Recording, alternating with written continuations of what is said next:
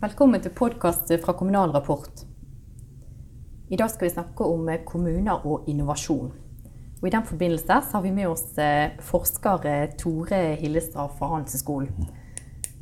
Han har eh, holdt et innlegg på arbeidslivskonferansen til KS, hvor han har pratet om innovasjon og transformasjonsprosesser i kommunesektoren. Og Tore Hillestad, du sier at i offentlig sektor så er behovet for omstilling og nytenking betydelig. Mm.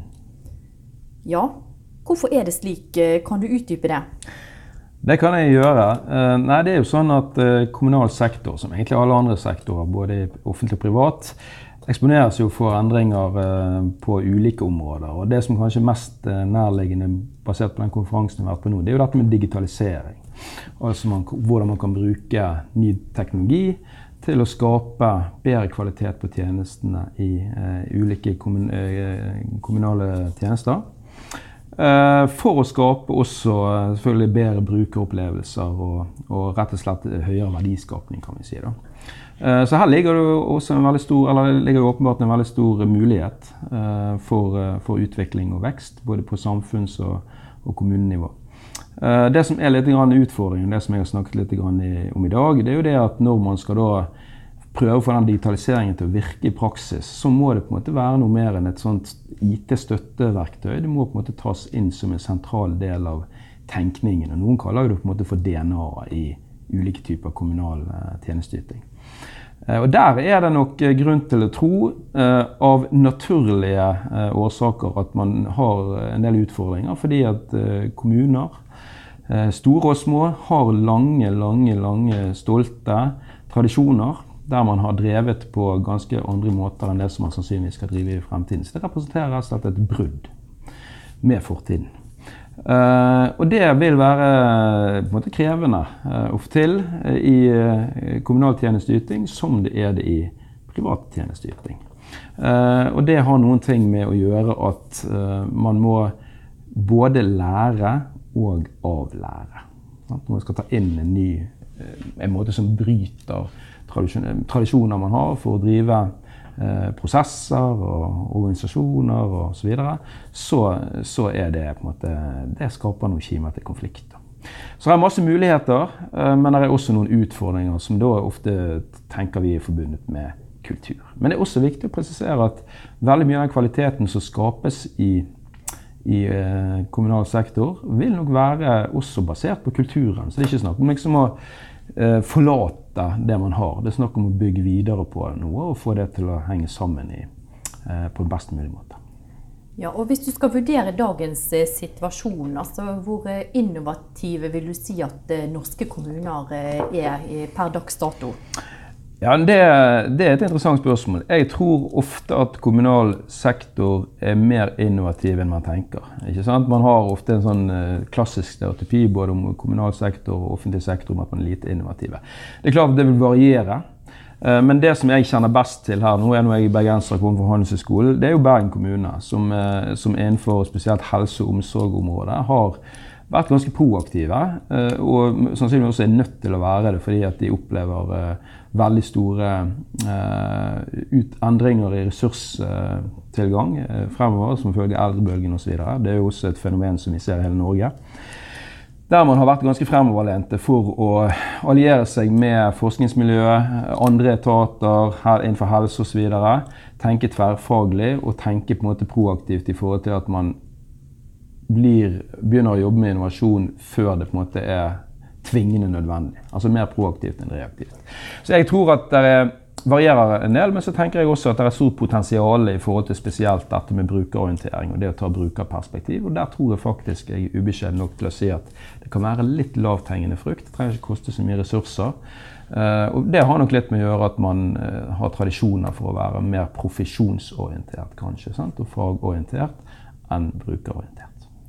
Bergen kommune nevner du her som et uh, eksempel på en kommune som Eh, ja, som da har eh, klart å, å, tilpasse seg litt til, eh, til, eh, til det som skjer. Eh, og det er jo en stor eh, kommune. Altså, har du eksempler på hvem, hvem er det som får til dette her, og, og hvem er det som ikke får til dette her? Ja, nei, Vi hadde en debatt nå avslutningsvis på, på denne her eh, arbeidslivskonferansen KS. Eh, der vi diskuterte litt dette med ulike forutsetninger. Og det er jo klart at Jeg tror jo vi må være eh, edruelige nok til å tenke at det har noe med størrelse å gjøre, dette. sant? Eh, tross alt. Eh, og Bergen kommune har også vært ute så vidt jeg har hørt og sagt at de, selv det som er en relativt stor kommune, er for små til å gjøre dette alene. Sant? Så det er klart at jeg vil tenke at de mindre kommunene er kanskje mer sårbare tross alt enn, en de større kommunene. Og dette er vel også sånn sagt inn i det som, vi, som skjer i forbindelse med kommunereformen. Eh, men når det er sagt, så tror jeg vi skal være litt forsiktige med liksom å skjære alle over én kam. For det er klart at Mindre kommuner kan ofte være mer fleksible. Eh, kanskje tettere på brukerne, kanskje litt mindre byråkratisk osv. Så, videre. så jeg tror vi, vi, må liksom være forsiktige med å uh, avskåre, eller av, avskjære da, mindre kommuner fra å kunne være litt sånn uh, lettbente og, og, kunne styre ned ting sjøl. Men det er klart at det å sette i gang store prosjekter på IT, digitalisering osv., det vil jo kreve uh, som regel en viss størrelse for å kunne, kunne håndtere det. Er det noen trekk ved eh, kommunesektoren eh, slik vi kjenner den i, i dag, som hemmer innovasjon? Ja. ja, det er det. Eh, og det er viktig å si. Og, det er ikke fordi at kommunesektoren er særegen, men det er fordi at kommunen har en lang det som vi kaller for en stiavhengighet. I betydningen av at de har rett og slett lange tradisjoner, og lange tradisjoner og lang historie innenfor et relativt byråkratisk system, det skaper noen naturlige på en måte ja, risikoaversjon eh, til en viss grad. Det å være noen ganger mer reaktiv enn proaktiv, og som er politisk styrt i tillegg. Så det er klart at eh, det er et naturlig trekk i kommunal sektor som derfor er viktig å være bevisst på. ikke sant? Men det gjelder jo like mye i statlig sektor, ikke sant? og det gjelder også i veldig stor grad i store, etablerte virksomheter i privat sektor. Som DNB, som Telenor osv. Som kanskje fremstår mye mer dynamisk, men som sliter med en del av de samme problemene. Noen av våre lyttere er jo beslutningstakere og ledere ute i kommunesektoren. Og har du noen tips til, eh, til kommuner der ute som mm. Eh, ønsker å bli mer innovative? Ja, det har jeg. Eh, jeg tenker at for å presisere det, at det er masse som skjer i kommunesektoren. Det er mitt inntrykk, og det er masse muligheter. Men det handler jo om å sette dette på dagsorden og kanskje prøve å være litt konkret i forhold til um, hva som kjennetegner vår kultur. Hvor nysgjerrige er vi egentlig? Det som vi ofte sier om store organisasjoner med lange tradisjoner og sterk sånn stiavhengighet, det er at de, er, de, de har en naturlig tendens til å bli introverte. Eh, og en måte å, å, eh, bli mer innovativ, det er egentlig ganske enkelt å tenke hvordan kan vi som organisasjon bli mer læringsorientert. Og hvis vi skal bli læringsorientert, så må vi oppsøke andre kommuner, andre typer organisasjoner. Vi må oppsøke kompetanse. Uh, og vi må gjerne sammenligne oss med andre uh, for å rett og slett få mer innspill på det. Det er det ene. Og det andre som jeg tror er, uh, har mye å hente på, det er å bli mer brukerorienterte. I betydningen prøve å ta brukerens perspektiv. Ikke nødvendigvis alltid bare høre på hva brukerne sier om hva de forventer, for det er jo ofte ikke vanskelig å få tak i. Men, men prøve å forstå brukeren ut ifra hvor de er og Det vil jo selvfølgelig være et mangfold, sant? men noen ganger er nok de kommet mye lenger enn det man eh, har tenkt i kommun, kommun, enkelte kommuner. Andre ganger er man kanskje kommet kortere, sant? for det er ulike selvfølgelig segmenter innenfor de brukerne man har ansvar for. det. Uh, men, men, det å bli mer ekstrovert, det å bli mer læringsorientert som organisasjon, det, det er noe som alle kan jobbe med. Og det har ikke noe med størrelse på kommunen å gjøre. Har du inntrykk av at det er mye sånn silo... Uh ja, altså det er nok en del silotenkning og eh, på en måte praksis, organisering i kommunal sektor, men av igjen naturlige grunner. Sant? Det har noen ting med at dette er ulike funksjoner, ulike fag, ulike profesjoner. Eh, og da preges kommunal sektor som alle andre organisasjoner med den type silofragmentering eh, av at det kan være hemmende. Men når det er sagt, så er det klart at uh, der også skjer det ting tenker jeg, i kommunal sektor. Men det er også et, et, et godt tips til kommuner å prøve å jobbe på tvers av, uh, av faginndelinger fag, uh, og profesjoner for å ha en mer helhetlig tenkning om brukerne. For Det er klart at det er jo et potensial med denne digitaliseringen, at dette er noe som kan forene uh, ulike fag, ulike funksjoner i en kommune, ulike tjenester. Uh, og også da kan bidra til f.eks. at man kan klare å skape ett kommunalt møtepunkt i en del sammenhenger. ikke sant? Så det er noe som kan være, være liksom konstruktivt å, å jobbe og, og som kan faktisk i seg sjøl bidra til mindre siloproblematikk. Ja, og, men, sånn, altså Hvorfor skal man være innovative mm. eh, i en kommune? Ja, Godt spørsmål. Det er i hvert fall ingen tvil om at det er klart det er veldig sånn politisk korrekt på agendaen. Og det er klart at man skal Det er liksom to ting med det spørsmålet. Det ene er jo at eh, det er en fare for at organisasjoner blir mer innovative enn det på en måte er forutsetninger for at de bør være. Og Det handler jo noen ting om at man i en, i en kommune bør eh, på en måte ikke ta mer risiko og eksperimentere mer enn det som er forsvarlig. Eh, det er den ene siden ved det. Uh, den andre siden uh, ved hvorfor man må, ha innovasjon, det er jo fordi at det, skjer, det gir en del muligheter. Altså Ny teknologi gir en del muligheter. Eh, verden eh, forandrer seg, samfunnet forandrer seg, preferanser og egentlig kapasitet hos brukere forandrer seg. Og da er det klart at det er viktig at kommunen på sett og vis rigges på en måte som imøtekommer de forventningene og kravene som kommer fra, fra innbyggerne eh, å, å, gjøre. Og så er det den erkjennelsen av at liksom i et samfunnsøkonomisk perspektiv så er det noen ganske store utfordringer, spesielt innenfor helse og omsorg som innebærer at hvis velferdsstaten i det hele tatt skal fungere og være bærekraftig i et langsiktig perspektiv, ja, så må man være innovativ. Så det, det der, er, der, er, en del sånn at man skal ikke bli, finne opp ny teknologi nødvendigvis, men man skal på en måte utnytte det potensialet som er der. Uh, og det er i en del, på en, en del sammenhenger tvingende nødvendig.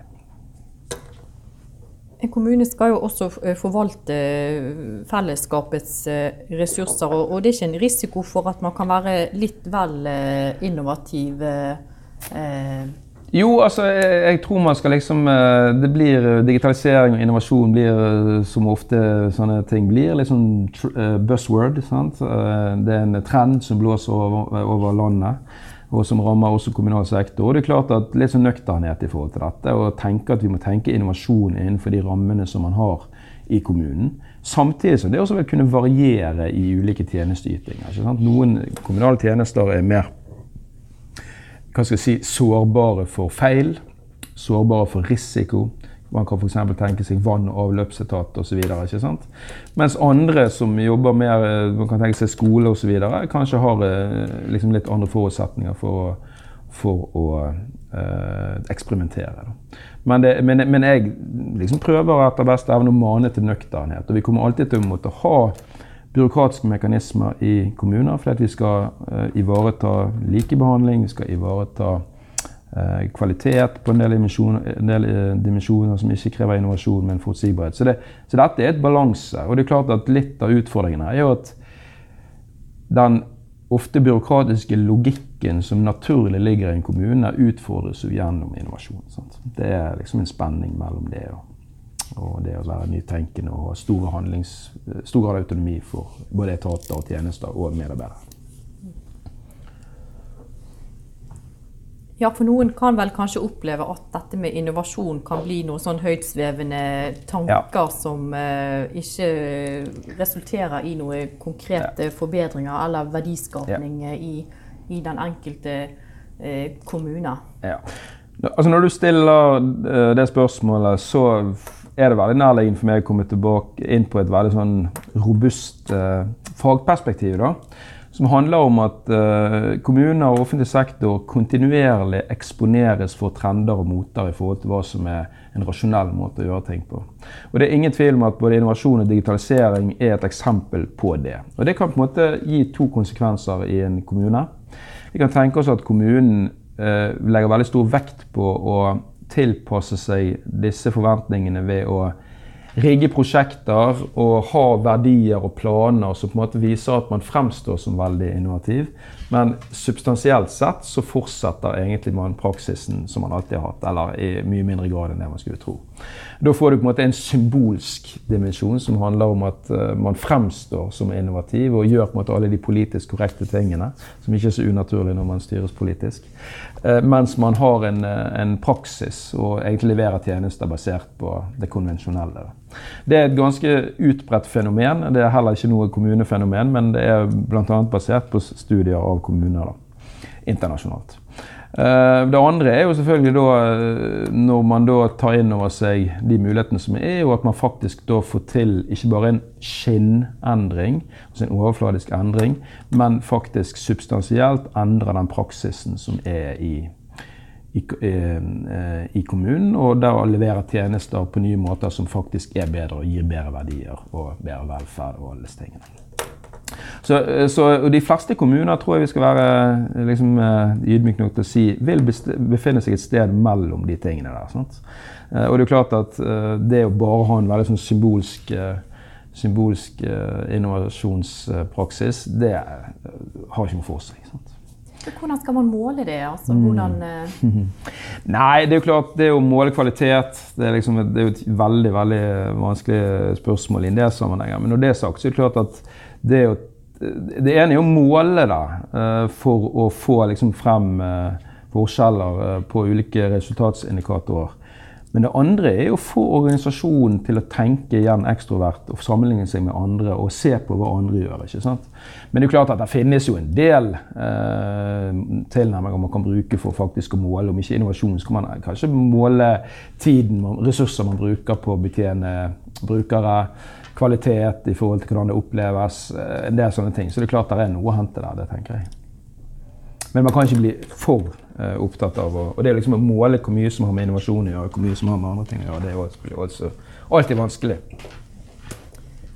Hvordan kan eh, kommuneledere bygge en kultur som eh, fremmer innovasjon? Nei, det, det, er jo noe som jeg er opptatt av. Og det er klart at der tror jeg det er et uh, potensial. Uh, og da er nok utfordringen det å prøve å bygge en kultur der man innenfor de rammene man har i kommunal sektor, legger til rette for innovasjon. Og Da må man være veldig opptatt av å være klar over at i sterke profesjonsmiljøer og kunnskapsintensiv virksomhet, som jo kommunal sektor er, så eh, er det viktig å åpne opp for å legge til rette for at folk tenker ukonvensjonelt. Kommer med nye ideer, bringer inn nye perspektiver utfordrer det bestående. Både sånn profesjonelt og organisatorisk.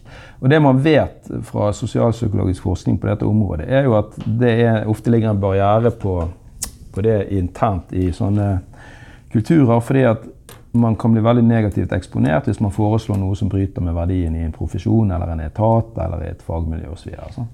så der er det noe med at eh, ledere må være klar over at det ligger en naturlig sosial disiplinering blant Eh, medarbeiderne i å sanksjonere hverandre negativt når du bryter normer som er etablerte, uformelle normer. Så som leder må man på en måte gå foran, tenker jeg, og eh, legge til rette for å ivareta folk som eh, tør å være det som vi kaller for en nonkonformist. Dvs. Si en person som ikke nødvendigvis eh, tilpasser seg det bestående eh, i et kollegie, f.eks. Så man skal ønske velkommen rebeller? Ja. The Crazy Ones, som eh, Steve Jobs eh, kalte det. Og nå når jeg eh, holdt den innledningen min på dette arbeidslivsseminaret, så brukte jeg to eksempler, litt sånn anekdotisk, da, fra idrettsverden. Den ene er en svensk skihopper som heter Jan Boklöv. Som revolusjonerte skisport, eller hoppsporten sant? gjennom en dramatisk stilendring som fikk mye, mye, mye større effektivitet og da Bill Cook, som var en, eh, en, skiløper fra USA, som gjorde det samme innenfor skisporten. Og Hvis vi tar det inn i et organisatorisk perspektiv, så er det ganske fascinerende og interessant å se hvilke organisatoriske rammebetingelser hadde de. Altså Hva var det som gjorde at det var de ukonvensjonelle nasjonene som revolusjonerte? sant? Eh, I motsetning til Hva var det som gjorde at ikke norsk skisport, som har kompetansen og tradisjonene og teknologien og og resultatene klarte å gjøre det. De var derimot veldig eh, føler i motstand. ikke sant? Så selv om det er litt sånn anekdotisk, så tror jeg at den tenkningen omkring Vi kan kalle det gjerne rebeller, the crazy ones, men det å tenke ukonvensjonelt, det å være litt uredd eh, innenfor de rammene som kommunal sektor har, det, det, er faktisk viktig. Det er sånn det skjer. Og der vet vi at konformitetspresset i profesjoner, i eh, etablerte kulturer i, i kommunal sektor, er ganske sterke og det er begrenset. Hva skal kommunelederne der ute gjøre for å få tak i disse rebellene?